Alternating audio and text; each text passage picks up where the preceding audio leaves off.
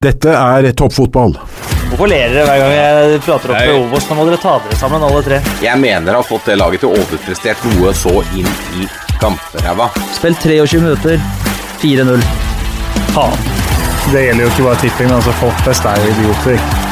Eh, det er mulig, Ja. Han kommer ikke til å gå gratis. 96 flasker med, med øl skulle de ha for han.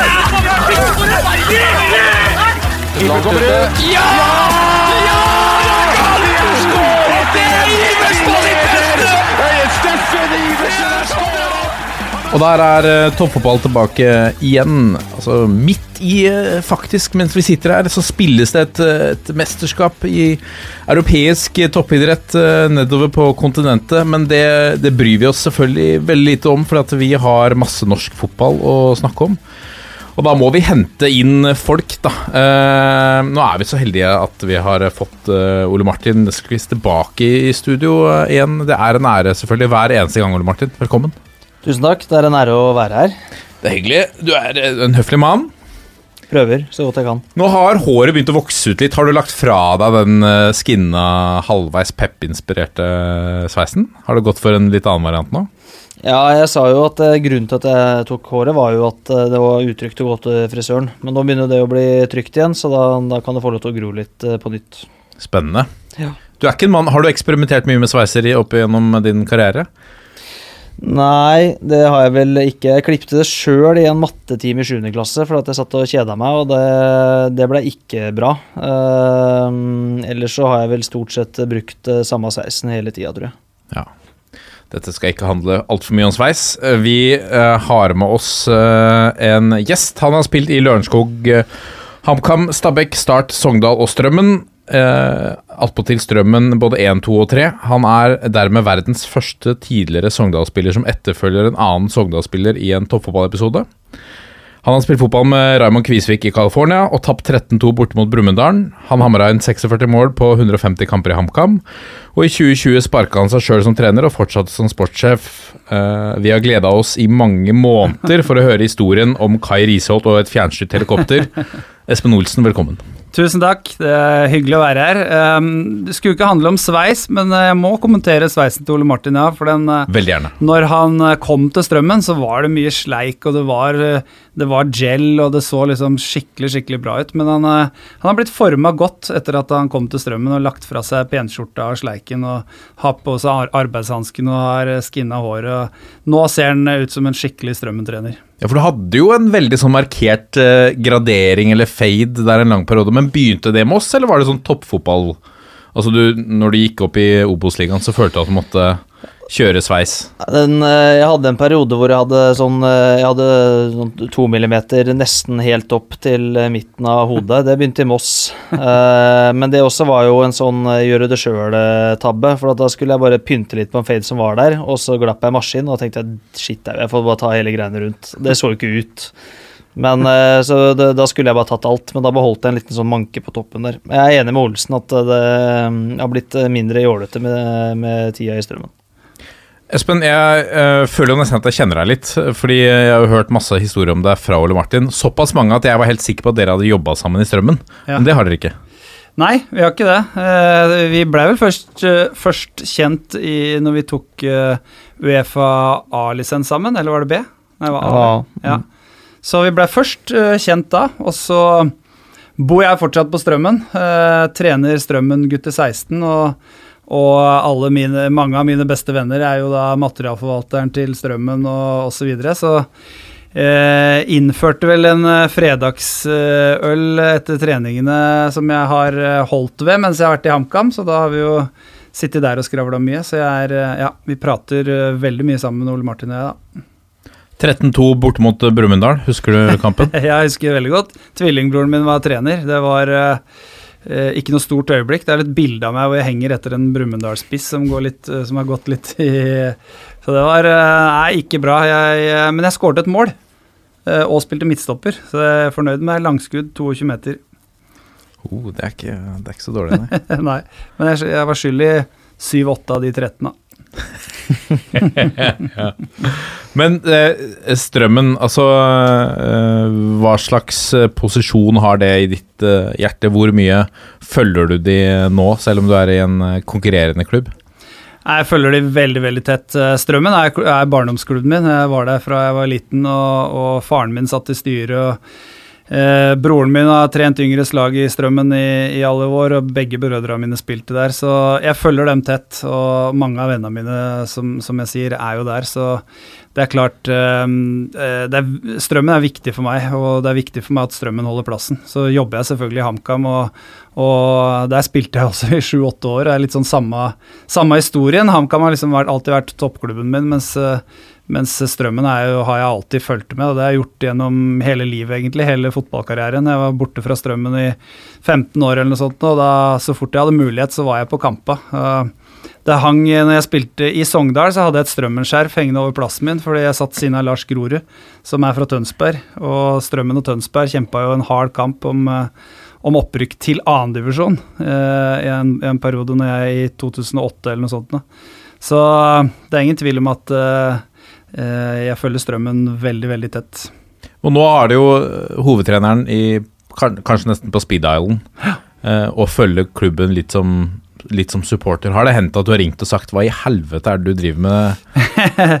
Nei, jeg, det har det vel egentlig ikke. Men det er mer sånn at jeg, jeg, det kan hende at jeg har ringt Ole Martin noen ganger og sagt at uh, han spilleren der tror jeg ville passe perfekt inn i strømmen, uh, eller sånne type ting. Men jeg, ikke, jeg føler ikke at jeg har blanda meg veldig mye. Uh, og så er det jo sånn at jeg er jo venn med en del av spillere. altså Kapteinen til Ole Martin, Christian Jahr, er jo en, er en god venn av meg, som, så han har jeg snakka litt med sånn innimellom. Men men uh, nei, jeg føler Jeg har overhodet ikke vært noen sånn syvende far i huset. Jeg har, har, heller vært sånn at jeg har eh, prøvd å hjelpe til hvis, hvis Ole har trengt det. Nå har han ikke trengt så veldig mye hjelp av meg, men i forhold til spillere og sånn, så, så, kan det hende at jeg kan blande meg litt og gi litt tips og råd osv. Ja, for dere jakter litt på litt ulike jaktmarker? Ja, vi gjør jo egentlig det. Altså um, de, de, de, må via strømmen, for å, for, sånn at de blir gode nok til HamKam til slutt.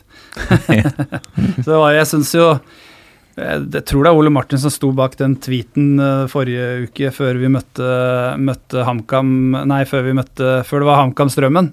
På, så jeg blander jo til og med hvor jeg tilhører. Men uh, uh, da la vel Strømmen ut på sin offisielle Twitter-konto at i kveld er det storkamp mellom Strømmen Allstars og og Strømmen IF. den likte jeg, den syns jeg var fin, da. Ja, for det har gått litt uh, spillere i den veien. Hvordan funker det, for dere kjenner hverandre ganske godt. Uh, hvordan funker det når plutselig, sånn som du tar en telefon til Ole Martin og sier at nå vil jeg hente Hassan Kurishai. Ja, det funker. Der spiller jeg med veldig veldig åpne kort. Jeg har aldri, det er en del Strømmen-spillere, ja, og jeg har aldri henta en Strømmen-spiller uten at uh, Ole Martin har vært enig til slutt. At, at at det skal vi gjøre, sånn som Hassan Kureshai. Bjørlo, som har vært veldig veldig god, var jo en spiller som Ole Martin ville beholde. og Da eh, spilte jeg med veldig åpne kort overfor Ole Martin, fordi jeg fikk nyss om at han var på vei til Ullkissa og kom til å velge det. og da, da det, er nesten så, det er nesten så jeg må ha tillatelse for å gjøre det, for jeg er såpass uh, inn i strømmen at, uh, at jeg føler at, at vi, vi, nesten må bli enige om det. Men uh, jeg, tror, jeg har ganske rein samvittighet overfor Strømmen og Ole Martin der. Vi har prata veldig grundig gjennom uh, de, de, signeringene som har blitt gjort. Og så vet jeg jo også at Strøm altså det, Når det kommer spillere til Strømmen så, så, og tar steget, så er det jo så Det er et veldig godt miljø å utvikle seg i. Det er, jeg vet at det er skikkelige gutter i, i den Strømmen-garderoben. Og spillere som kommer innom og er et år i Strømmen, vokser veldig som personer. Eh, veldig ofte, er min erfaring. så så Strømmen er jo en rekrutteringsklubb. Det var jo det når jeg var der uh, sjøl også. Når de, når, de, når de, gjør det såpass bra, så er det alltid en, en klapp på skulderen og en fjær i hatten til, til Ole Martin og til, til klubben da, for, å, for, å, ha sendt enda en spiller ut i, ut i proffverden. Så er jeg jo klar over at nivået på HamKam og Strømmen eh, som lag er jo ikke vært stor de, de siste åra, men allikevel så er jo HamKam som klubb en mye, mye større klubb. altså når uh, når Bjørlo kommer til HamKam, så blir han fulltidsprofesjonell spiller og kan konsentrere seg fullt og helt om det. Så det en, vi, vi, leiter nok på veldig forskjellige markeder, da. Vi gjør det.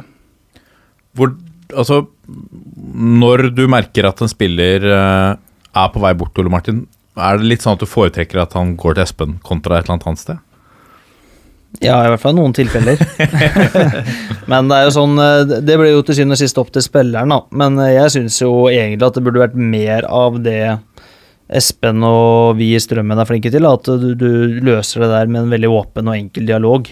Det er, det er for mye sånn hemmelighetshold, og du skal ikke fortelle folk om det, og så går det litt sånn bak ryggen på folk for at ikke du tør å være ærlig.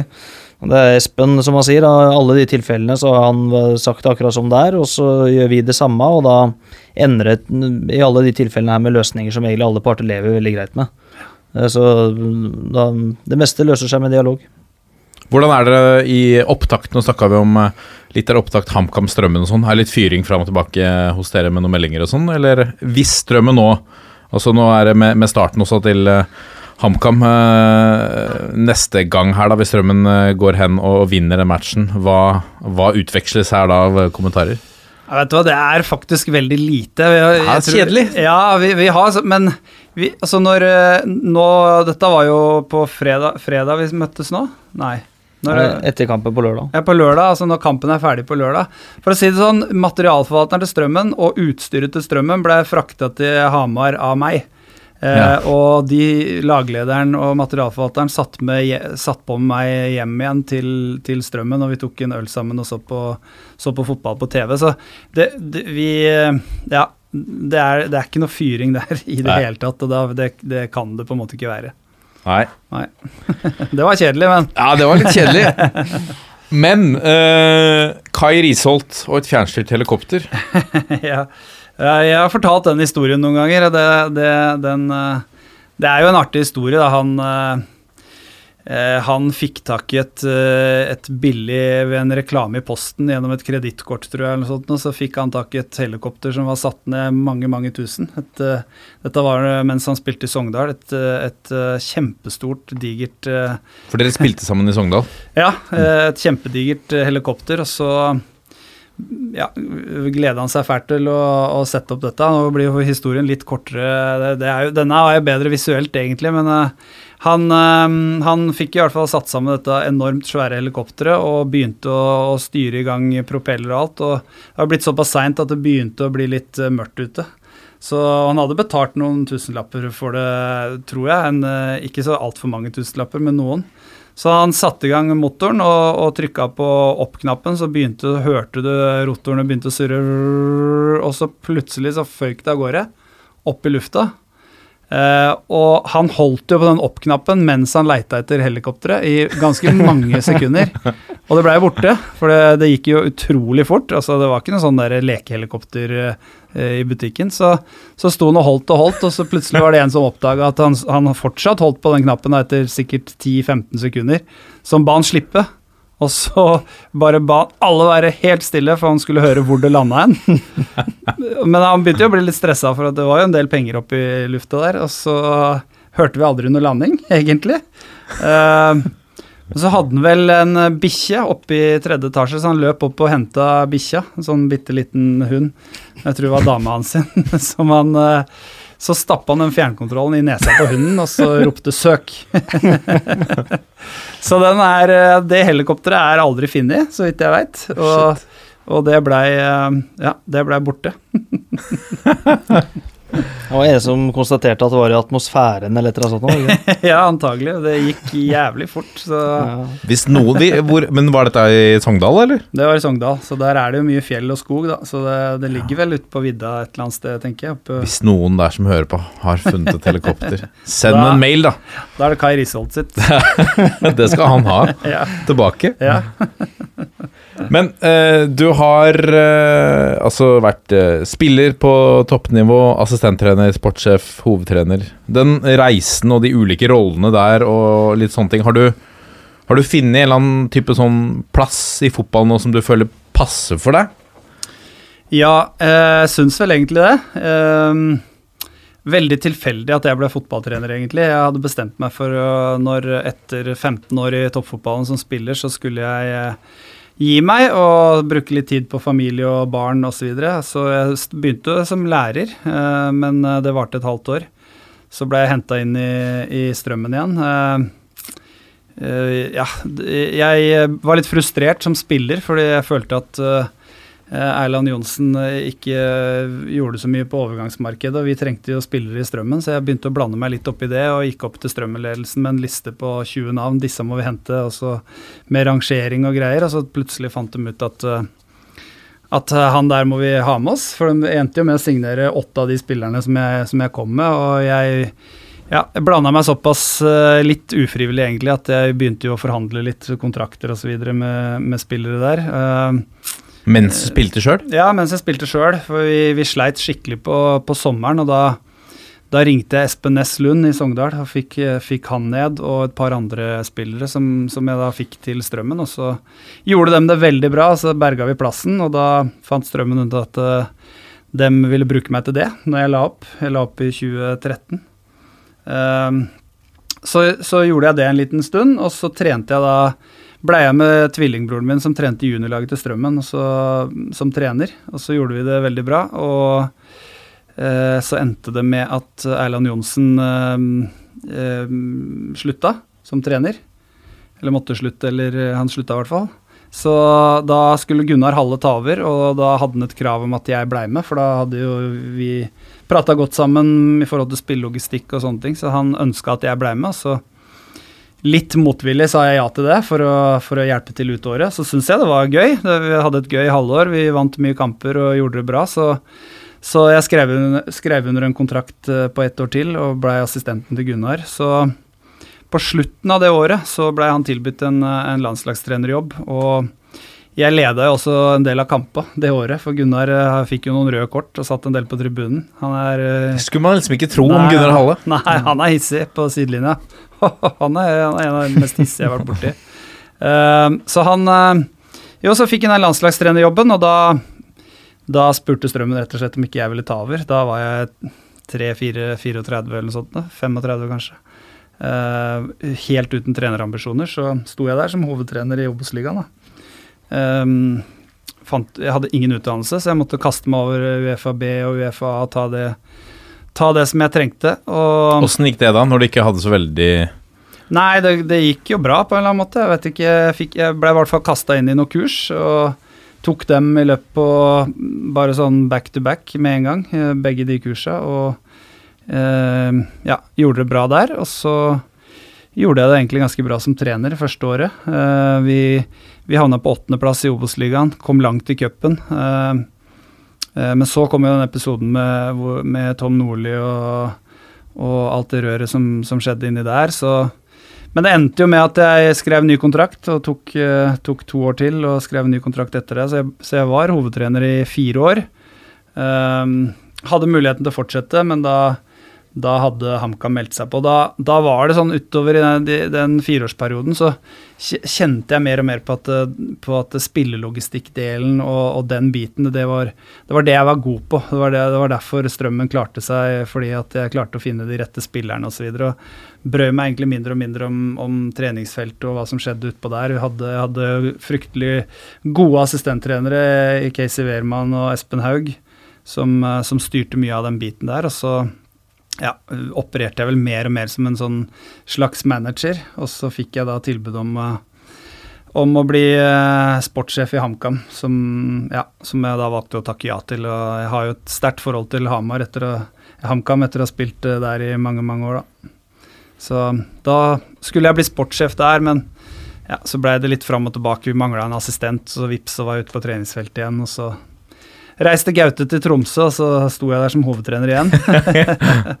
og så, som du eh, vakkert sa i innledninga, så sparka jeg delvis meg sjøl og ansatte meg sjøl igjen som sportssjef. Var ikke helt sånn det foregikk, men eh, um, Det er jo litt med mer ikke- tabloid vinkling, på en måte. ja, det var det, syns jeg. Men jeg, jeg, eh, jeg måtte fratre som trener, men de, de nekta å sparke meg, for de ville ha meg som sportssjef, og var veldig tydelige på at eh, det vinduet som, som kom i sommer, var viktig for dem. Så ja, etter å svelge noen kameler, og så tok jo klubbfølelsen litt over, og så ble jeg med på, eh, på det ut året, da, og da Ja, for det var en litt røff runde Ja, der. det var jo det. Det er jo ikke noe Det er jo ikke alle som, som fratrer som trener, som blir i klubben. jeg tror, eh, Jeg sa vel det til ledelsen i HamKam, at du, du skal leite lenge etter, uh, etter mer lojalitet enn det jeg har vist HamKam akkurat nå. Etter, man blir jo sår, det er jo ikke noe hyggelig å det var ikke sånn at jeg gikk og sa at det, dette, det, her bør vi sparke treneren. Det var jo ikke sånn. Jeg hadde jo trua på at jeg skulle snu det sjøl. Men eh, avgjørelsen var jo rett i ettertid. Vi, vi, Kjetil kom inn og gjorde en kanonjobb. Og i all ydmykhet så gjorde jeg en god jobb på overgangsvinduet sjøl også. Vi fikk forsterka oss kraftig uten å bruke noe særlig penger. Så det blei jo en lykkelig historie til slutt.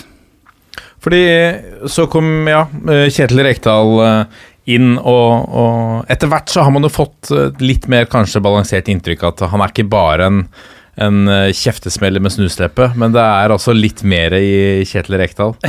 Ja, jeg kjente ikke Kjetil så godt uh, før han kom inn. Jeg har prata med ham noen ganger. Han, han, prøvde å hente meg en gang som, som når han var Vålerenga-trener, eller prøvde å hente meg, i hvert fall prata med meg etter en kamp uh, hvor, hvor, han fortalte at han likte meg og osv. Så, videre. så uh, hadde vel også egentlig litt det inntrykket av han før jeg ble kjent med han, men jeg er jo jeg syns uh, Kjetil er en fantastisk fin fyr. Han er, uh, han er utrolig varm, omtenksom, tar vare på, på, de rundt seg og er rett og slett en, en, fryd å være rundt. Han er full av kommentarer og, og, og artig humor, og vi har det rett og slett uh, utrolig gøy sammen. Så han er Det bildet som er skapt i media av han, det er ikke han. Og det, det, er, jo, det er jo noe sånn som han må må leve med, egentlig. Så fort det liksom Det blir jo tre ganger så stort hvis det kommer fra Kjetil Rekdal kontra fra Espen Olsen. Så, så, er det jo det noe han må leve med. Og det har jeg jo lært meg litt gjennom eh, å bli kjent med Kjetil. Han er, eh, han er eh, utrolig varm og god, god person, rett og slett. For jeg husker jeg så et eh, Jeg så Det var Hamar Arbeiderblad kanskje som intervjua Markus uh, Pedersen der, før uh, da den, uh, den signeringa var klar. Det var ikke en Altså, det sto ikke stjerner i øya på Markus Pedersen da, da vi kvitte det. Han måtte anstrenge seg for å Men det var kanskje litt Han var kanskje redd for hva som kunne komme, da? Ja, altså, jeg tror jeg det var litt lojalitet til meg, da. Jeg ja. tror han Fordi når Gaute var der, så, så, så, fikk han jo ikke kontrakt, og så, og så forsvant Gaute, og så ga jeg, han sjansen allikevel.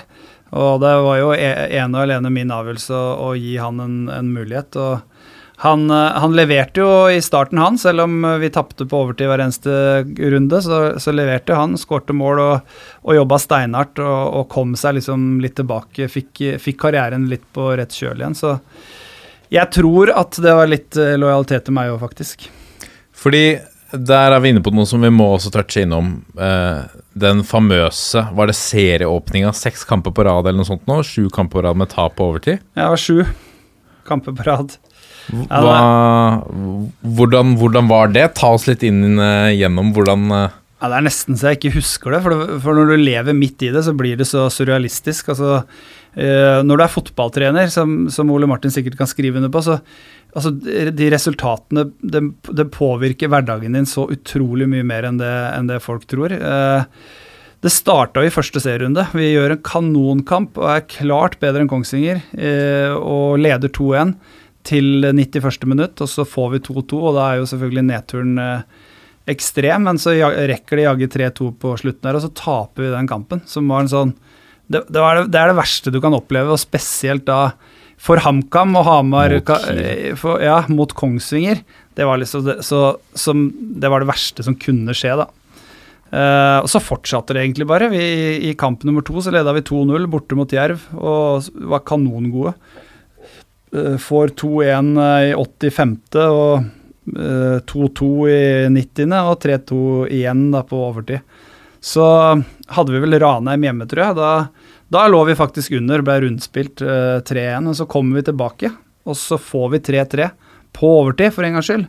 Da tenkte jeg, tror det kanskje var fjerde runde eller noe sånt. Nå, nå snur det for oss. Nå, så jeg valgte da som trener å dure på og fortsette og for å gå for 4-3.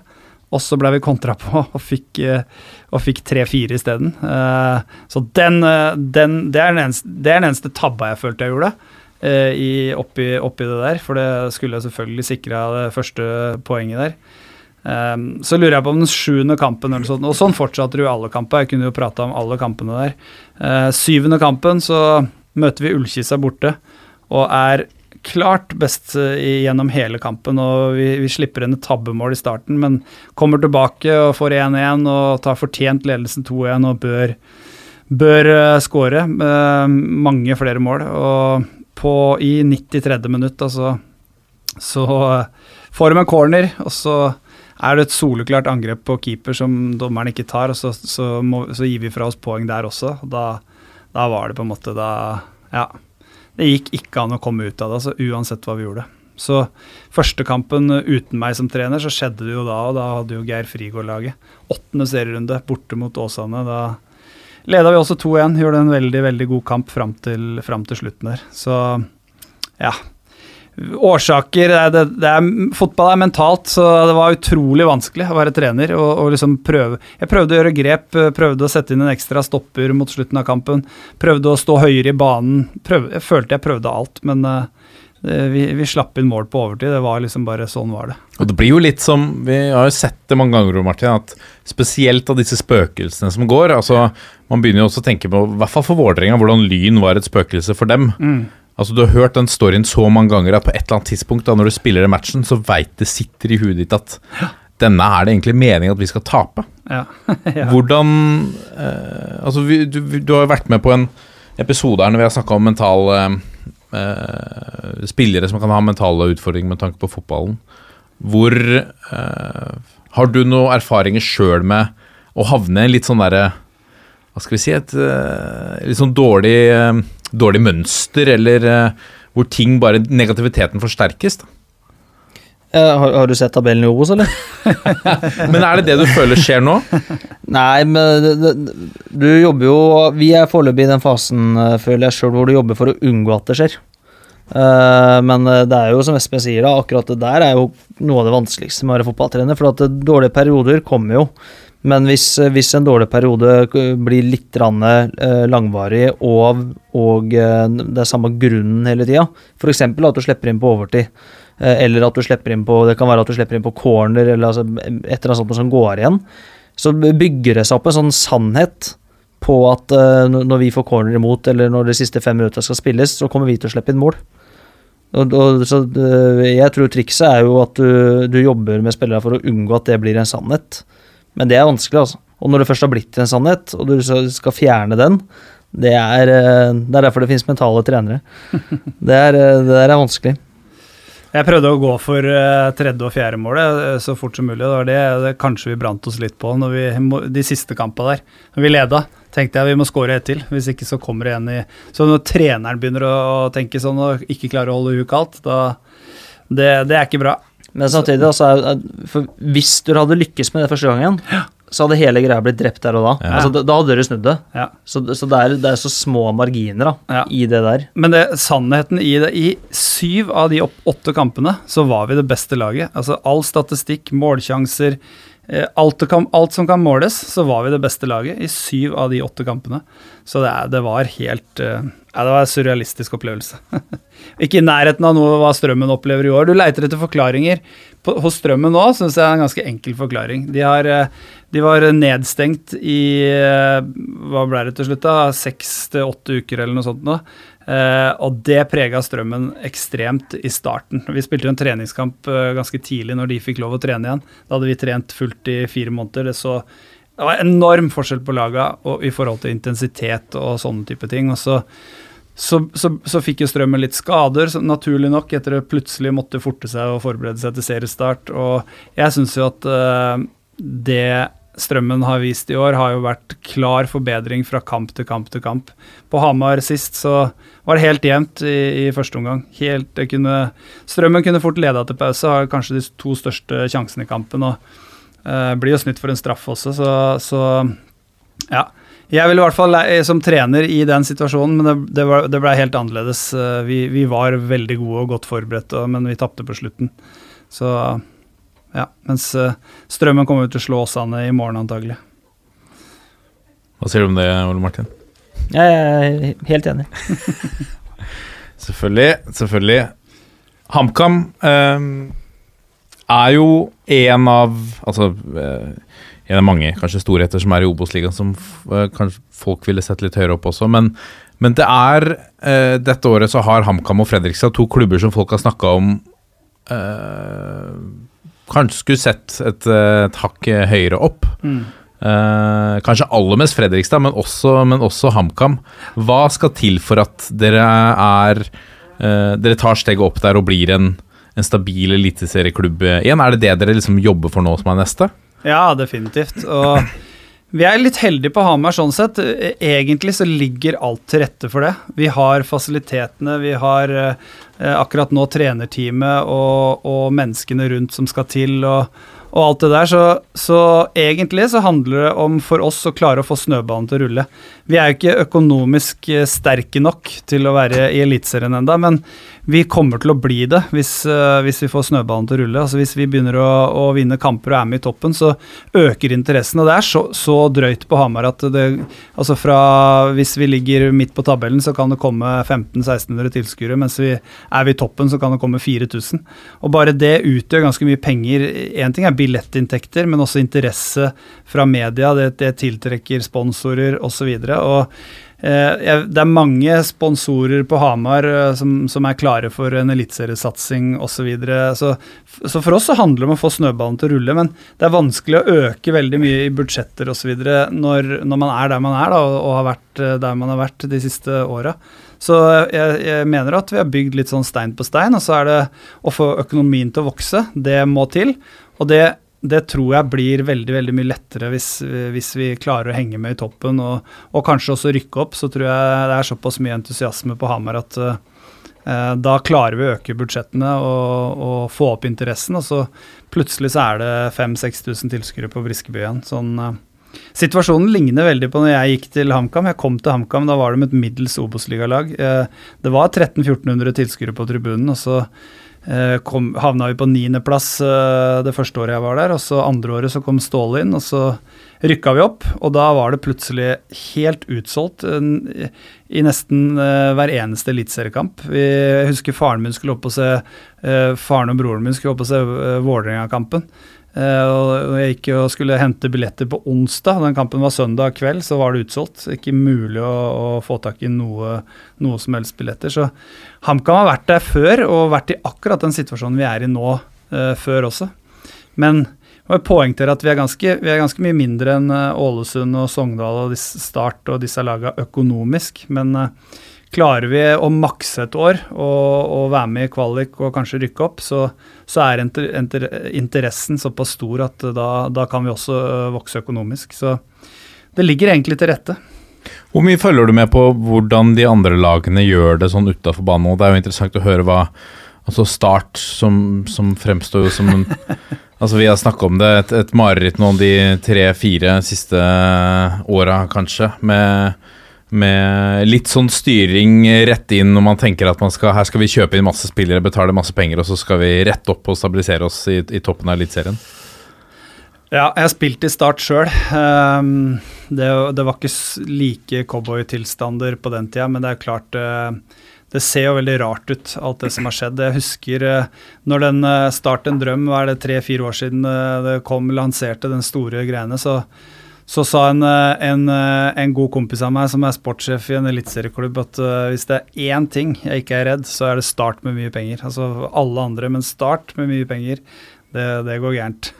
så han fikk jo rett eh, til slutt. Eh, jeg syns eh, jeg, er jo ikke inne i Start, men jeg kjenner jo en del av menneskene der fortsatt. Og jeg spilte jo sammen med Joey Hardarson bl.a. Uh, når jeg var i Start, så, og Jesper Mathisen kjenner jeg jo godt. så Eh, det er, det er, vanskelig å svare på, men, men utad, altså sånn som de framstår, så har de gjort utrolig mye rart. Jeg reagerte når Steinar Pedersen fikk sparken der han lå på opprykksplass og det var fem serierunder igjen. eller noe sånt. Og det er sånn, De tar noen sånne kontroversielle avgjørelser innimellom som, som ikke er til å forstå. det, Så vidt jeg har skjønt, altså handler jo det om at de, de har, et, har, noen investorer osv. som kanskje Eh, bestemmer for mye og har for mye makt uh, i forhold til ledelsen og et, et, vanlig styre i klubben. Men igjen, det er litt sånn gjetning fra min side og sånn som jeg ser det utad. Men at det ser klønete ut, det er det ikke noe tvil om. Fordi det er også noe vi, som vi har diskutert der. Folk som kommer inn fra næringslivet og, og tar med seg masse bra, Ja. eh, sikkert derfra, men, men idet de begynner å, å blande det med at man har peiling på fotball, eh, er litt sånn, har vært litt sånn uheldig kombinasjon i mange klubber. Ja. Og det er, det er litt sånn at hvis, hvis de personene som, som er investorer og osv. rundt omkring, kommer, fra, kommer utenfra fotballen, men får for mye makt, så, så kan det egentlig ikke gå bra. Eh, Det kan ikke det. Vi, er, vi har jo også et investeringsselskap i, i HamKam, men det er fotballfolk. Det er bare de, altså det er kompetente fotballfolk som har vært i ledelsen i, i andre klubber og, og er genuint fotball... eh, Ja, det er fotballfaglig dyktige folk, da. Og da, da, da funker det jo, selvfølgelig. Men hvis det er, eh, som du sier, kommer fra næringslivet og egentlig bare kommer inn for å leke litt med, med pengene sine, så er det nødt til å gå dårlig. Ja, for Det var det jeg skulle spørre litt om, for det har jo en sånn setup i, i HamKam også. Mm. Og nettopp det, men der har du også en del eh, folk med litt sterke meninger. Ja. Hvordan har du fått noen sånne har du fått noen sånne forslag eller, eller gode, glupe ideer til hvordan dere skal snu ting, eller eh, Ja, altså det, det, det er heldigvis personer som jeg kjenner godt fra tidligere, som, som jeg prater godt med, som, som var i klubben når, når jeg var der. Så det, det er mer vennlige og gode tips. Det er klart, Nå er Ståle blitt landslagstrener, så han er ikke så, så involvert le lenger. Men eh, når han var i København, så, så brukte jeg jo han mye, selvfølgelig, til å, til å kvalitetssikre ting. Og, og også Truls Håkonsen, som, som, som sitter i styret, som, som jo er eh, dyktig på, på, på mange områder rundt kontrakter og osv. De, de er genuint, og det er mange flere av dem også, men de er genuint opptatt av at HamKam skal gjøre det bra. Eh, Så føler jeg at eh, vi har funnet en vei. Det har vært, vært litt sånn trøblete for meg å finne min posisjon helt i starten. Det er mange, mange sterke stemmer osv., men jeg føler jo nå at vi har vi har funnet en veldig bra setup på det, og jeg føler at jeg har fått bevist eh, til alle de at, eh, at jeg kan jobben min, og de har vært uttrykt at de er veldig fornøyd med det jeg har gjort. Så, så nå funker det egentlig veldig, veldig bra. Så mm, det er ja, de kommer med tips og, og råd osv., men det er gode tips og gode råd som regel. Og så, og så er det vi på, på sport som tar avgjørelsen til slutt, uh, uansett.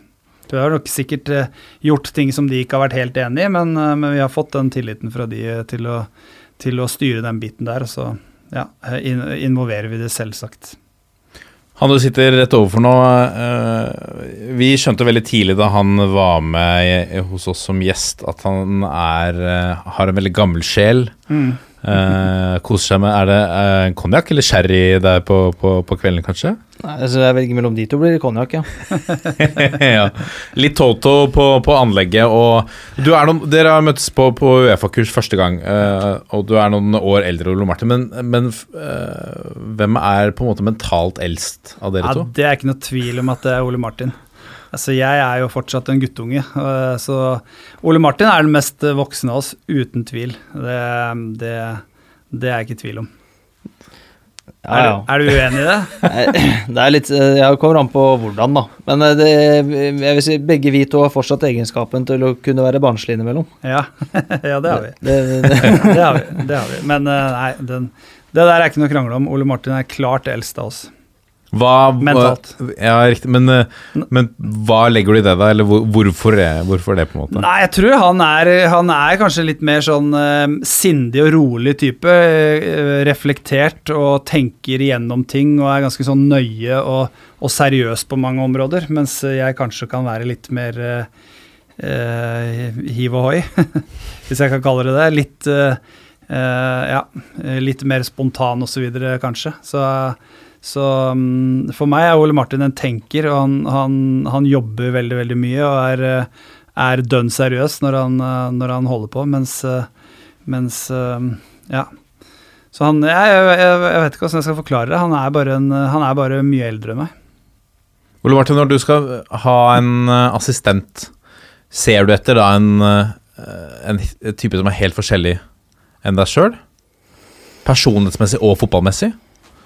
Eh, nei, ikke som er helt forskjellig. Men jeg ser jo etter folk som uh, har uh, andre meninger enn meg. Men det, jeg tror det, skal du jobbe i et team, så må du være du må være enig om en del ting òg, hvis det skal fungere i bunn. Og så er det sunt å være uenig om andre ting.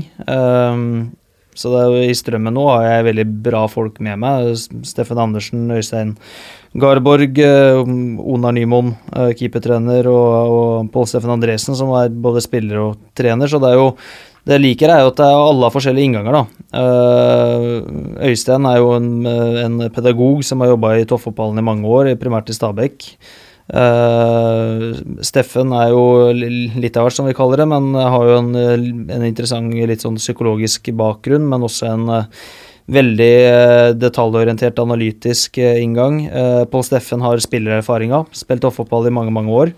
Og Onar er jo selvfølgelig spesialist på keeper, men også har vært med i mange toppklubber, vært med på U-landslag, veit eh, Kinas landslag for damer. Kinas landslag for damer. Eller bred og kul erfaring. Så det, jeg tror trikset er å finne, finne eh, Det å sette sammen type erfaringer, type kunnskap, type utdannelse, eh, og få det til å funke sammen. Og da, da må det være en, en eh, enighet om en del ting i basen der, tror jeg. da. Ja. Men apropos liksom mentalalder, for at jeg har jo fått eh, Jeg fortalte jo spillere at jeg skulle spille inn podkast med Espen i dag. Eh, Så kanskje liksom bildet på barnslighet, for jeg har blitt utfordra av eh, noen av spillere på å, altså til å utfordre deg til å fortelle om en historie fra en sosialtur til Sogndal som involverer en lampe eller et eller annet. Ja, det Ja, nei, det kan nok være at uh, det gikk litt over styr, og at uh, treneren hang i lampa inne på puben uh, og blei båret ut av vaktene. Det var jo ikke bra. Det var ikke, ikke mitt stolteste øyeblikk. Det er bra det er et stort sted da, med masse utesteder og Og hvor ingen kjente meg. ja, ja. Ingen visste hvem jeg var. Men var det litt glimt i øyet fra, fra dørvakten, eller var det liksom nå er du Litt, ferdig? faktisk litt glimt i øyet, for jeg kjenner dem jo. Jeg bodde jo der i tre år. Ja. Jeg spilte for Sogndal i tre år, så jeg kjenner eh, Ja, når du bor i Sogndal i tre år, da kjenner du alle. Ja. Så var jeg jo også en, jeg var en bra spiller der. Jeg ble toppskårer når vi rykka opp i 2010 og har liksom en, en posisjon der, så eh, Men eh, ja, når jeg spilte fotball, så var det litt annerledes enn nå, faktisk. Selv om dette 2010 ikke er så lenge siden. Men vi var glad i å ta oss en øl etter kamp osv., så, videre, så de Det er det ikke nå, tror jeg. Det skjer ikke. det er mye, mye mindre grad, i hvert fall.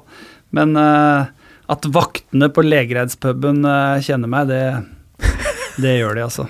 Og det er ikke bare fordi jeg spilte fotball. Jeg har jo fått høre at, eh, at du, du sitter inne Du er flink til å huske på gode fotballstories.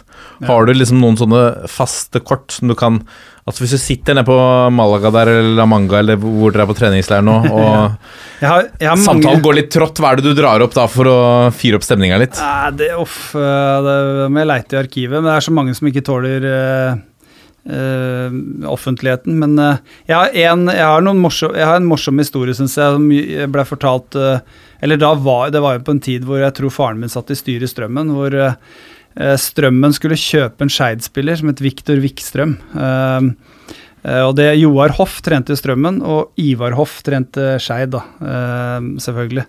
Så, så hadde de styremøte på Strømmen og, og hadde funnet ut at det, de eh, Joar fikk 10 000 kroner, og det var det han fikk. Altså Det var dårlig økonomi på Strømmen eh, også da, så det var 10 000 han hadde å gå med. Så han hadde tenkt litt på hvordan han skulle gjøre det. Men så satte han seg ned med styrelederen til Skeid og broren sin, som da trente Skeid, og, og var bare veldig ærlig at jeg, er, jeg har ikke mer enn 10 000, så liksom, det er det jeg kjøper den for, ellers så, ellers så går det ikke. Så liksom, vi kan ikke sitte og forhandle og, og holde på. Så gikk da styrelederen og Ivar Hoff på gangen og ble borte i ett kvarter. Mens Joar satt og håpa i det lengste inne på, på rommet, så, så kom styrelederen og Ivar tilbake, og så tok eh, Ivar um, ordet og sa mm, beklager, kjære broder, vi, vi kan ikke akseptere budet. Og så venta han litt og sa han, vi syns ikke at Viktor er verdt 10 000, du kan få ham for åtte. Så det endte jo, det er en sann historie, altså det endte med at eh, Strømmen bøy 10 000 kroner, men kjøpte den for åtte. Skeid aksepterte ikke budet, det var for høyt. Så det er vel eh, første gang det har skjedd noensinne i fotballhistorien, tror jeg. Hva syns Viktor Wikstrøm om akkurat det? Jeg Det- Han kjenner jeg ikke så godt, det vet jeg ikke. Men eh, jeg husker navnet, selv om dette var eh, Men jeg husker det nok mest uh, for, på grunn av den historien, da. Så jeg kjenner ikke spilleren, men det var en kantspiller som var brukbar.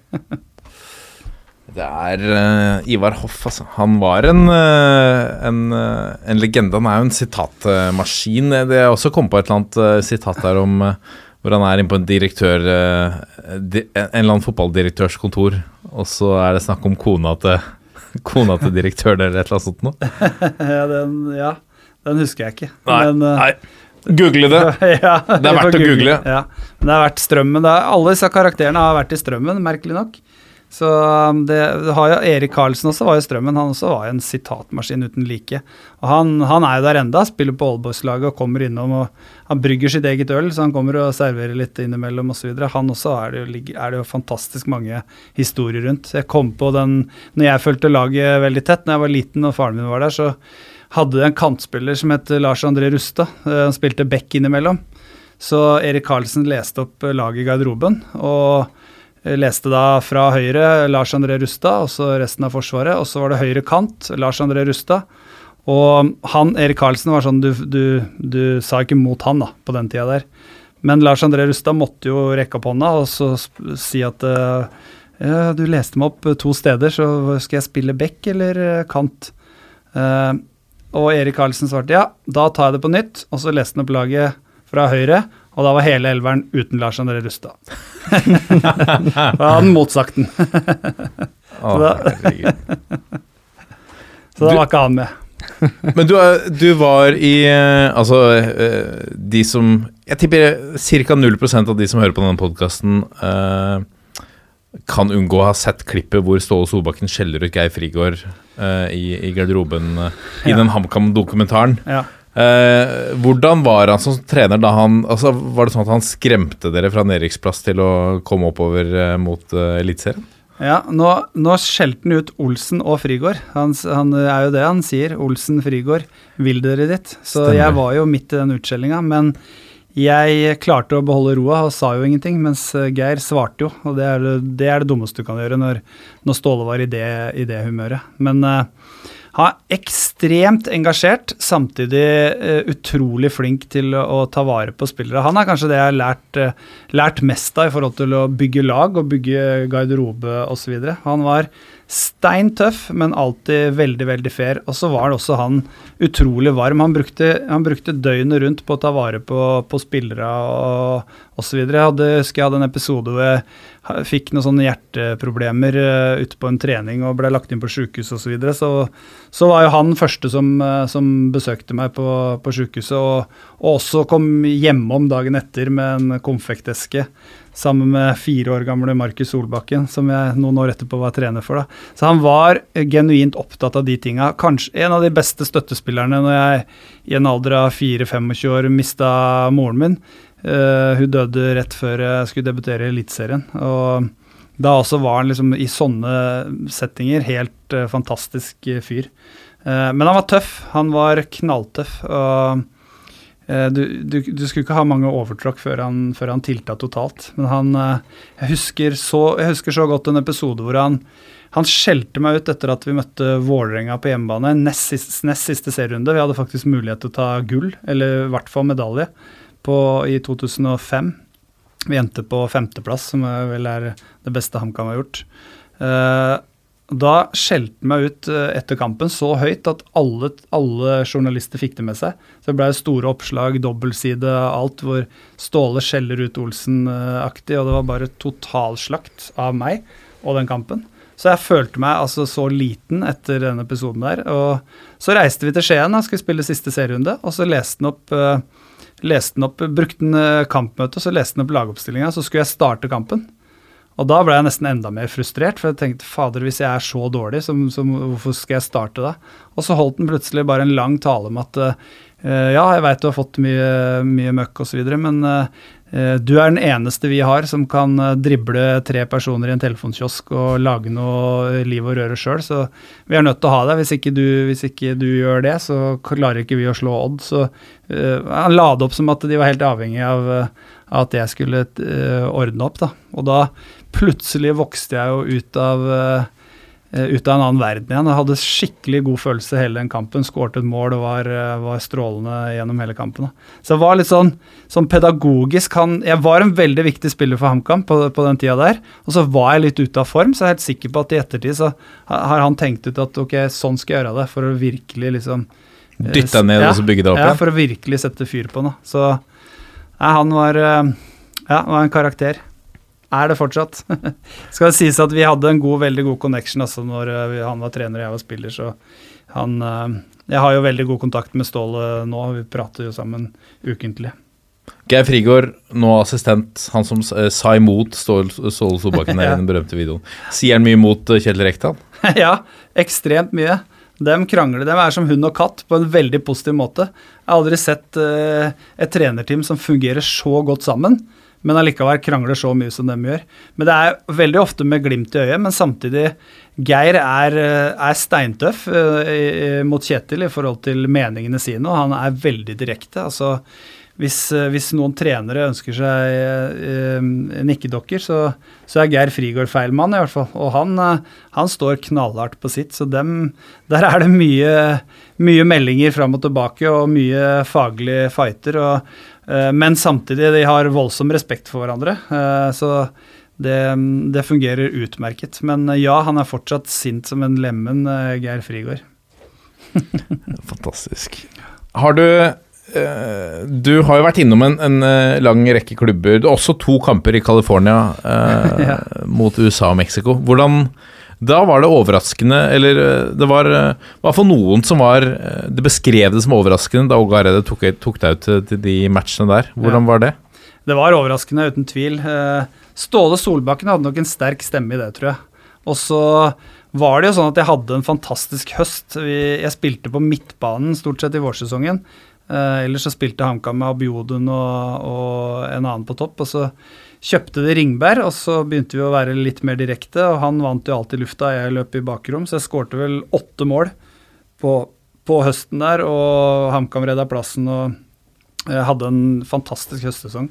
Så um, Og akkurat da så var det ikke så veldig mye gode spisser, i, i tippeligaen i hvert fall. Og dette var jo eh, på vinteren, så det var ikke så mange utenlandsproffer med. Så da, da etter eh, litt eh, Etter i hvert fall hvis Ståle forteller historien, så, jo, så forteller jo han at han eh, at han har mast meg inn på landslaget. Men det, det var nok sikkert litt sannhet i det, og Ståle hadde en sterk stemme allerede da. og og fortalte vel nok Åge at Men jeg husker jeg prata med Åge etter vi møtte Molde borte eller noe sånt i nest siste kampen. Da hadde han jo vært der for å, for å se på meg, da. Så Men ja, overraskende. Jeg har verken sp- verken eh, juniorlandskamper Jeg har vel knapt eh, kretslagskamper, tror jeg, fra, fra yngre dager. Så det var en eh, eh, Og i en alder da av 26 så debuterte jeg plutselig. Huska du på alt, eller, når du skulle reise? Nei. Det, han, materialforvalteren til Lillestrøm var irritert på meg, gode gamle Svendsen, for jeg reiste jo på landslagssamling uten fotballsko. Så jeg glemte jo rett og slett fotballskoene mine hjemme, så han måtte jo løpe ut og hente, kjøpe noen fotballsko til meg før den første treninga. Og det var jo uff a meg. Det er pinlig. Det eneste, eneste du skal ha med Olsen, det er fotballsko og leggskinn. jeg svarte ja, vi har med leggskinn. ja, han var ikke imponert over strømlingen da, Svendsen. Men er det, er det, er det mye surrehuer blant uh, fotballspillere? Uff a meg, ja. Jeg var litt surrue sjøl, jeg må innrømme det. Den, det endte jo med faktisk at HamKam fikk bot og greier, for jeg spilte jo landskamp med Umbro-sko. Eh, for det var det Svendsen fikk tak i, og vi hadde jo Adidas. Og det var jo veldig, det var jo, det var jo veldig viktig på, på den tida der, at du hadde riktig utstyr. Hadde landslaget Adidas på den Nei, men HamKam hadde Adidas, og jeg skulle jo da spille med Adidas.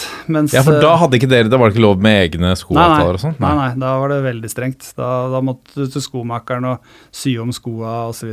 Men eh, ja, det har vært mange Det er mange surrebukker, og når du er trener i Strømmen, så opplever du jo veldig, veldig mye rart. Jeg har masse episoder fra Jeg var så oppgitt en periode hvor det var mange folk borte fra trening, eh, og hadde en skikkelig utblåsning i, garderoben. og så og så er det en unggutt som klarer å rekke opp hånda og da sier at eh, han ikke kan komme på trening i morgen, for han har kjøretime.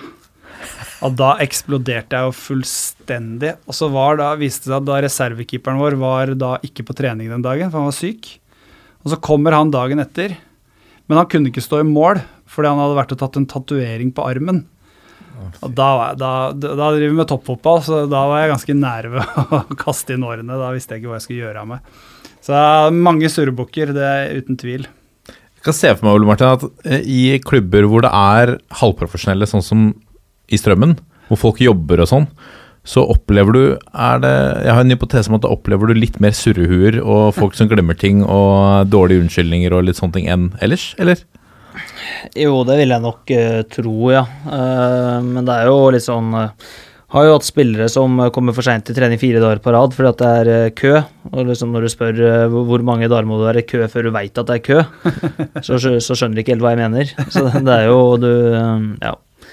Det er jo noen utfordringer man får i strømmen eh, som ikke man har i alle andre toppklubber, med at spillere er på jobb og skole og sånn, og da hender det at det skjer ting. At du må jobbe overtid, eller er, du må prioritere en eksamen eller et eller annet sånt, og det er greit, men eh, det hender òg det er litt eh, surrete grunner til forfall og diverse.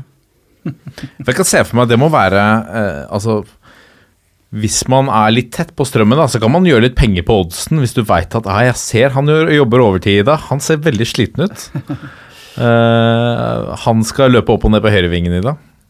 Ja, det kan godt hende, det. At eh, det er noen som, eh, noen som driver med det. Jeg vet både jeg og gutta og sånn er det jo de andre klubbene òg. Det renner jo inn med meldinger fra sånn odds-settere og tippere og sånn før kamper. Og jeg svarer aldri på noe av det. Så hvis noen hører på, kan dere slutte å sende. Men uh, det er jo mange som er interessert i å finne ut av uh, hvordan formen er til de og de, og om de har sett bra ut på trening, om de var på trening i går, og mye sånt noe. Ja. Hva er eh, Vi var inne på det, noen karakterer i, i garderoben. Hva er den mest, eller de mest originale typene du har vært borti som altså spiller eller trener eller sportssjef? Ah, eh, jeg har vært borti utrolig mange typer, da. Eh, jeg, eh, jeg har spilt med Bernt Hulsker i, i Start. Eh, fantastisk type. Han, eh, han eh, ja, var litt annerledes enn alle andre. Eh, Tommy Øren syns jeg var en utrolig artig fyr. Han eh, alltid mye, alltid mye sprell. godt humør. Jeg, veldig, jeg har veldig kjærlighet for de gutta som, som skaper litt liv og røre. Jeg elsker sånne, sånne typer og mener at det er kjempeviktig å ha i ethvert lag. Så Alexander Melgavis, eh, når han kom til Strømmen, han eh, sprita opp den garderoben skikkelig med, med masse god humor og mye moro. Eh, Markus Bransrud er en sånn type. Så ja, det er, det er mange, altså. Det er, fotballen er full av, av rare mennesker. Men kan dere huske, eller vet dere om noen Har vi hatt noen sånne ordentlige gærninger? Litt sånn Balotelli kaste dartpiler på folk som går forbi, Gassa som stikker av med en lagbuss. Har vi hatt noen sånne Vi, vi, vi signerte jo Markus Pedersen i fjor, og så uka etter så, så var det jo svære avisartikler om, eh, om Uh, Ja, han hadde vært litt uh, uheldig på bilen, i oh, ja, bilen der og så videre. Så det var Ja, det, det er jo noen Det er jo selvfølgelig noen sånne i, i Norge òg. Men uh, jeg legger til at Markus Pedersen er uh, verdens snilleste fyr, da. Bare tatt noen dumme valg i, i ung alder. Seadramovic er vel visstnok en litt sånn type. Eh, Ja. Uh, har ikke jeg noen gode historier på han, men uh, Nei, jeg han- husker jeg så den i LS-skalen en gang. Det, inne i LS-skalen, det første dekket som var der, som var ganske hardt, da sto han i skruknotter inni, inni LS-skalen. For han skulle Hvis det kom noen spiss alene med keeper, så skulle han ta han, og da var det bedre med skruknotter. Ja, det er beinhardt. Hvem er den, eh, hvem er den beste du har spilt eh, mot, da? Spilleren. Uff. Det eh, beste jeg har spilt mot, det kan det være? Um, i, vi ha, han eh, Donovan uh, spilte vel for USA, skåra. Landon, Landon Donovan Donovan. eller sånn. Ja. Han skåra noen mål i, i den kampen der. Eh, Cuardado spilte for Mexico, mener jeg. Eh, han er vel aktiv enda, kom inn som unggutt i den Mexico-kampen. Det må vel bli noe sånt.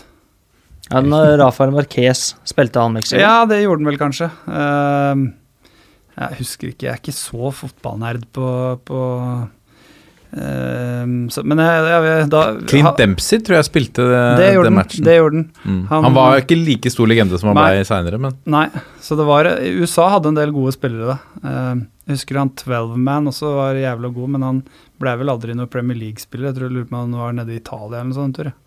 Det var sikkert en bra keeper på det USA-laget òg. Ja. Team Howard eller eh, han eh, Brad Friedle eller et eller annet sånt. Ja, nå kommer jeg etter, etterpå så kommer jeg til å sjekke hvem som uh, spilte de kampene. Så, kom, så står det sikkert ti navn der som jeg burde ha nevnt, men uh, husker ikke. Altså. det, for jeg sjekka loggoppstillingen, det var ikke verken Friedle eller, uh, eller Casey Keller eller Team Howard. Nei, Det var en eller annen kamerat. ja. Men Eddie Pope husker jeg spilte Ja, ja, i Eller husker jeg fra jeg leste det Ja. før denne sendinga. Han spilte, ja, det stemmer.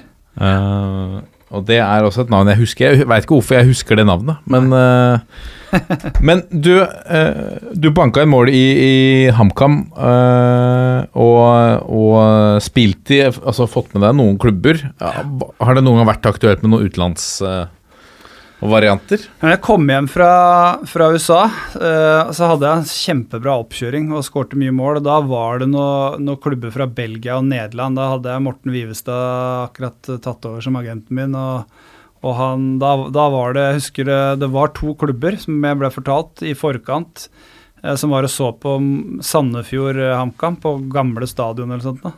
Da endte jeg med å gi en albue til min gode venn Tom Christoffersen, som spilte back, for han drev og tråkka meg på, på, på hæla hele tida. Så jeg ga han en albue, og så så linjemannen det, og så fikk jeg rødt kort. Ja.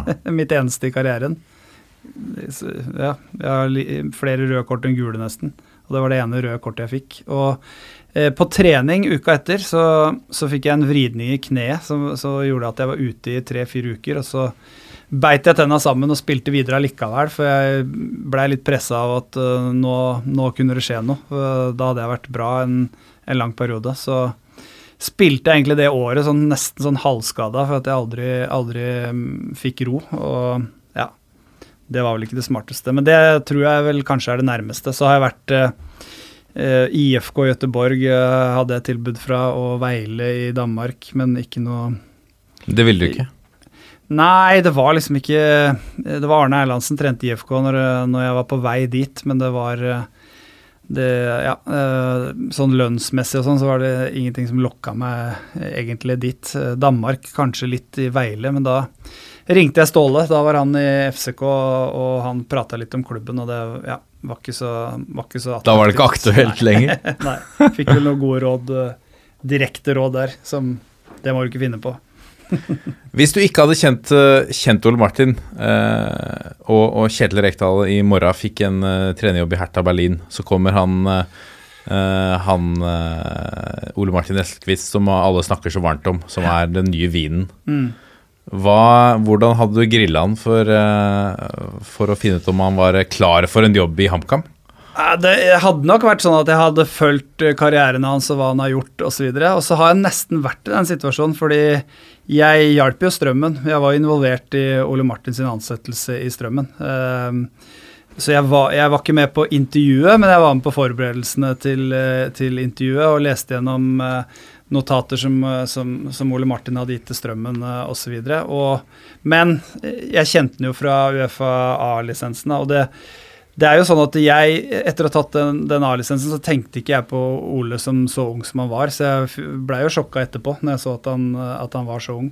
For når vi prata sammen, så var, vi akkurat, så, så var vi akkurat like gamle. Og, og um, han var eh, veldig reflektert i forhold til og, og, og ekstremt kunnskapsdyktig i forhold til fotball da, eh, med alderen sin. Så etter lisenskurset så husker jeg ringte Ole Martin i forhold til noen spillere, bl.a. i, i andredivisjon. Du sendte meg også en liste over eh, en del navn. Så jeg, jeg tror det hadde vært nok med en samtale mm, Fordi den første samtalen vi hadde, tror jeg var i baren på Lerkendal.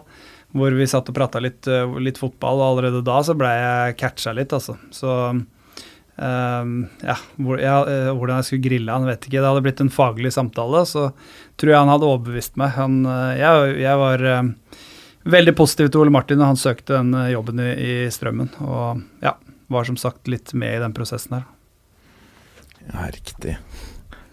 Hva, eh, hva er Espen Olsens eh, skjulte altså hemmeligheter, eller liksom litt sånn dårlig Hva skal vi si, guilty pleasures? Det er alltid interessant å høre. Guilty pleasure. Ja. Ja, det er jo å spille keyboard og synge, synge den derre It, It's My Life. Ja, jeg har noen uheldige episoder der, altså. En kaptein som var våken altfor seint på et hotell i Bergen, og så var det, det var konsert i, i, i, i resepsjonen. og en pianofyr, eh, og så hadde jeg vært ute og tatt, noe, tatt noen øl, og så var vi tilbake sånn halv ett, så jeg eh, ja, ba vel egentlig skulle lære han å spille piano, så han lot meg få gjøre det, da. Og det, ja, det ble vill jubel. Men det jeg ikke visste, var jo at eh, en av spillerne filma det jo fra rundt hjørnet der, og sendte faktisk også videoen til Eurosport. Men gudskjelov så var det altfor dårlig kvalitet på videoen da, til at eh, Ja, for når var dette? Nei, det var, eh, det var etter en kamp i Bergen. Ja. Ehm, det var det det er vel i 20 Så nå var 2017, da, tenker jeg. 18. Riktig. Rett etter at Eurosport tok over. Jeg husker ikke når det var. Kanskje det var siste året mitt, 2018. Ja, kanskje. Fantastisk. Det, den der, for, På A-lisenskurset så var det i hvert fall sånn da at etter den første samlinga, så siste kvelden der, så er det deltakerne som har ansvaret for underholdninga, Ja. gruppevis.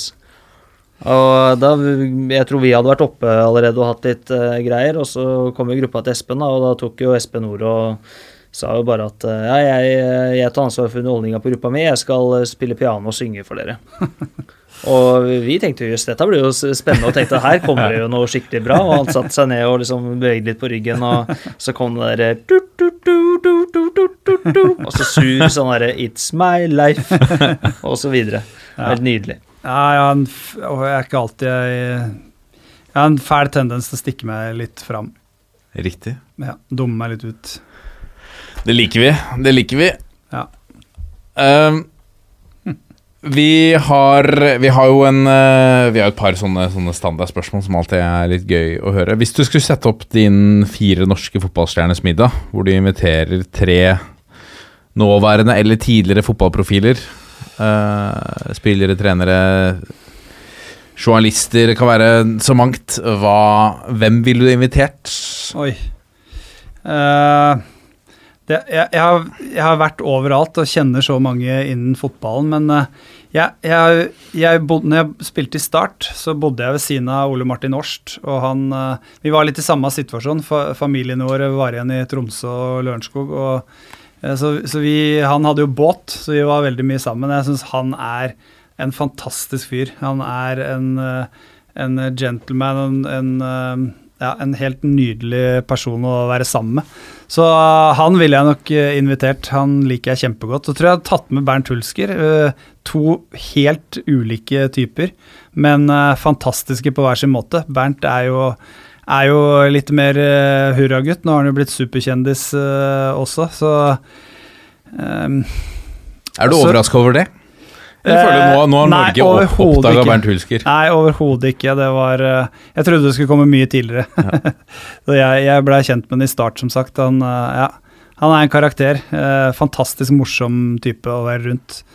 Um, så for, vi må jo gjøre det til en spissmiddag, så tror jeg jeg tar med meg Håvard Flo. En, uh, en god venn som jeg uh, har god kontakt med enda, som, som jeg også har hatt det utrolig mye morsomt med. Um, han, han er en sprudlende, herlig fyr å, å være rundt, så ja, jeg tror kanskje jeg tar med de tre. Hva ville du diska opp med, da? Ja, Vi vet jo hva underholdninga ville blitt, det har vi fått Ja, høre. Men uh... Jeg hadde nok spilt piano. det hadde jeg gjort. Uh, Uff, jeg kan jo ikke lage mat, vet du. Det er bedre. Ja, det, så det vil jo eh, jeg, jeg, lager noe, jeg lager sånn pasta til eh, unga innimellom hjemme. Det, det er eh, koke pastaskruer, og så tar jeg det i en sånn form. Og så putter jeg noen pølsebiter oppi, og ost oppå og fem minutter i ovnen. Og ketsjup. Det, eh, det er suksess. Det er godt. det er sikkert en favoritt, da. Det er favoritt. Ja. Det, den tror jeg jeg hadde gjort, for den kan jeg. Det hørte Litt god, gammel rødvin til den. eh, den der, vel. Ja, litt rødvin som passer til pølser. Ja, det hadde det. Nei, vi serverer øl. Selvsagt. Hvis du var fotballdiktator for en dag, da, kunne bestemme Gjøre et eller annet halloi med, med fotballen, hva ville du endra uten at du slapp å tenke på konsekvensene? Oi, den er øh, Den er vanskelig. Jeg ville kanskje Ja, den er vel kjedelig, men jeg ville innført VAR direkte i Ville Norge. du det? Ja, det ville jeg. Og vi, vi har ikke tid til å ta den, eh, Nei, vi tar- åpne den der Vi tar ikke den diskusjonen der, men jeg, jeg elsker å se fotball. Det, det beste med fotball-EM nå, Ja. det er dommerne. eh, den der vifting opp eh, hele tida. Altså Obos-ligakamper nå, så hvis du, hvis du, bare er foran mannen, så kan du bare legge deg ned, og så får du frispark. og det, Jeg syns det ødelegger fotballen så, så, utrolig, så jeg ville um, Jeg ville innført de reglene, eller den, den, den, den, den gjennomgangen de har hatt med dommere før EM. Den, For nå går det Sånn som alle kanskje trodde det skulle gå, eller? Ja, det går kjempebra med VAR, men, eh, men de, har, de, har, åpenbart snakka om hvor lista skal ligge i forhold til frispark. Og den i Norge, eh, det er, det er på, i Obos-ligaen så ødelegger det kampene, syns jeg, i stor grad. Fordi det blir spekulert i det, i og med at alt er frispark. Så um, ja, et eller annet sånt noe. VAR eh, ønsker jeg velkommen, kanskje pga. sånne situasjoner, og at uh, veldig mange kamper blir avgjort uh, på dommerfeil, syns jeg, i, i, Norge, som jeg ikke liker. Men uh, aller helst den der, det kurset som dommerne har hatt rett før EM nå, det vil jeg ha i, i Norge. Rett inn. Rett inn der. Har dere penger på Hamar da, til å betale en ekstra dommer eller to for å sitte i VAR-rommet? Nei, men eh, det får NFF betale. Og så må vi ta med oss noen uh, lyttespørsmål. Uh, Ola Jårdal, en fast bidragsyter, lurer på hva er det beste og verste med å bo og spille i Saftbygda? Det beste er at uh, det er ingenting annet å gjøre der, så du får konsentrere deg fullt og helt om fotball. Fasilitetene er helt fantastisk, og du kan, du kan trene hele året og, og, spille fotball hele året. Uh, Uh, og det er uh, ja, fasilitetene, rett og slett. Helt fantastiske. Så jeg tenker for, Det er ikke rart at det kommer mye gode fotballspillere fra bitte lille Sogndal, for de har, de har, helt sinnssykt gode fasiliteter året rundt. Og, og bygda og, og, klubben er veldig veldig flinke til å holde det åpent for, eh, for unge spillere som vil trene hele tida. Så det er jo her nede på, på, Østlandet så kan du ikke gå inn i Valhall eller LSK-hallen som unge og, og, spille fotball, men i Sogndal kan du det. De holder alltid av en tredjedel av hallen for, for frilek for unger og ungdom osv. Så, videre. så Så de fasilitetene rundt der var helt fantastisk. Og naturen og den roa du fikk ved å bo der, det er, det er, det er helt merkelig. Det er som å reise tilbake i tid. Det er, du, du, har, du har god tid konstant. Det er liksom ingen Det eneste du skal i løpet av dagen, er å trene, og så kanskje en tur innom butikken.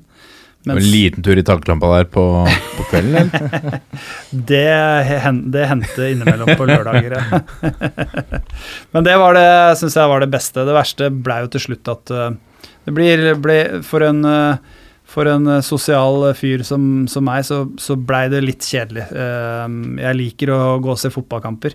Jeg liker å gå og se ishockeykamper, idrett generelt, og, og ja, liker å, å, være sammen med masse mennesker osv. Så, videre. så det kunne vel kanskje bli litt, uh, litt kjedelig um, til tider. Ja.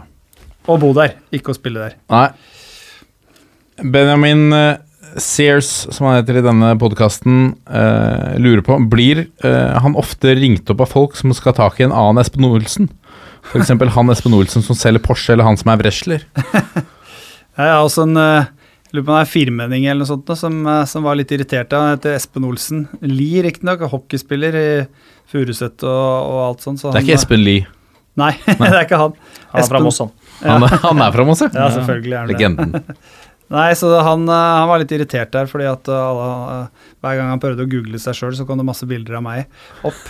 Men jeg har faktisk opplevd flere ganger altså Nå høres det ut som at jeg bare er fest og moro, da, men vi var i en bar da, hvor jeg hvor det står en ved siden av meg og skal betale med kort, og han heter selvfølgelig Espen Olsen. Så faktisk, Det er 1700 mennesker, tror jeg. Nå jeg, jeg, mener det er 1700 mennesker i Norge som heter Espen Olsen, så uh, ja, det hender.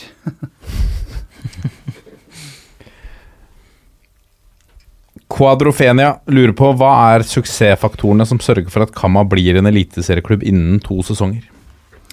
Ja, det har jeg vært litt inne på. da. Hvis, uh, for oss så tror jeg det handler om å få snøballen til å rulle. Vi må ha en makssesong hvor, hvor, vi kanskje overpresterer litt og, og, er med og kjemper helt inn uh, mot et opprykk, om det blir i år eller, eller neste år. Jeg syns at uh, vi, er på, vi, er på, god vei da, den, den, veien der. Vi har som sagt fasiliteter og alt på plass. Så jeg tror at når det begynner å rulle litt, så øker interessen veldig. Og den øker mye fortere på Hamar enn en andre steder. Og da, når entusiasmen er der i, i, i blant befolkningen og sponsor osv., så, videre, så så tror jeg fort vi er der. Og da, da, da kan vi bli også, for den eh, fotballkulturen på Hamar og, og interessen er sterk. Eh, det er noe da, Hvis vi er et eliteserielag, så, så kommer de fra Gudbrandsdalen og, og, og rundt omkring og Lillehammer osv. Og, så videre, og ser kamper på, på Briskebyen. og det er, eh, det er dit vi må. og så tror jeg det handler om at vi må ha, vi må ha en makssesong en eller annen gang, om det blir i år eller, eller ikke, og overprestere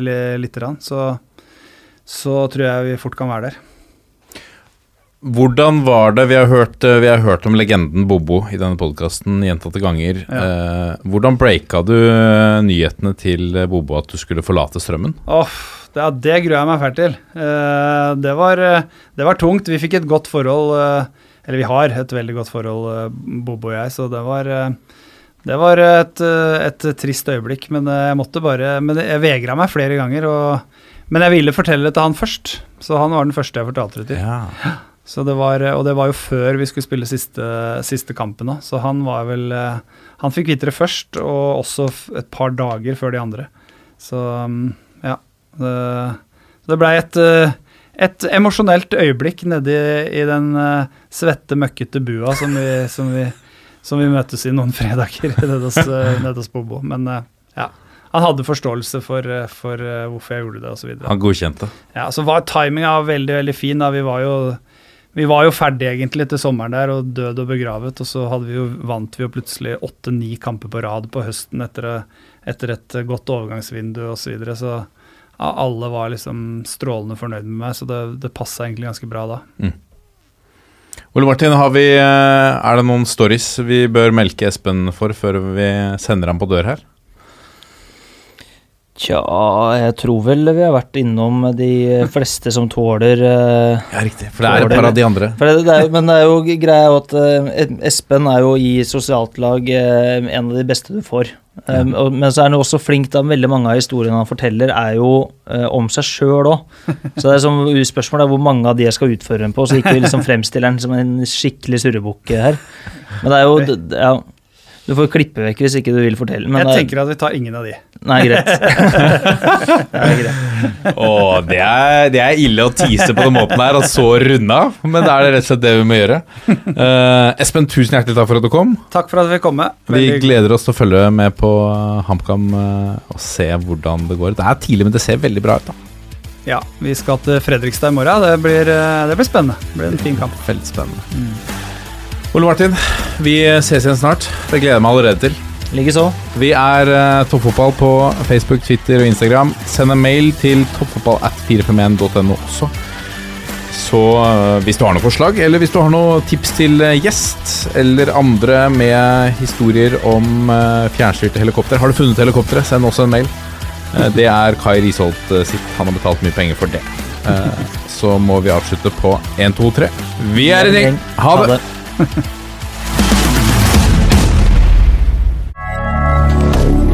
Moderne media.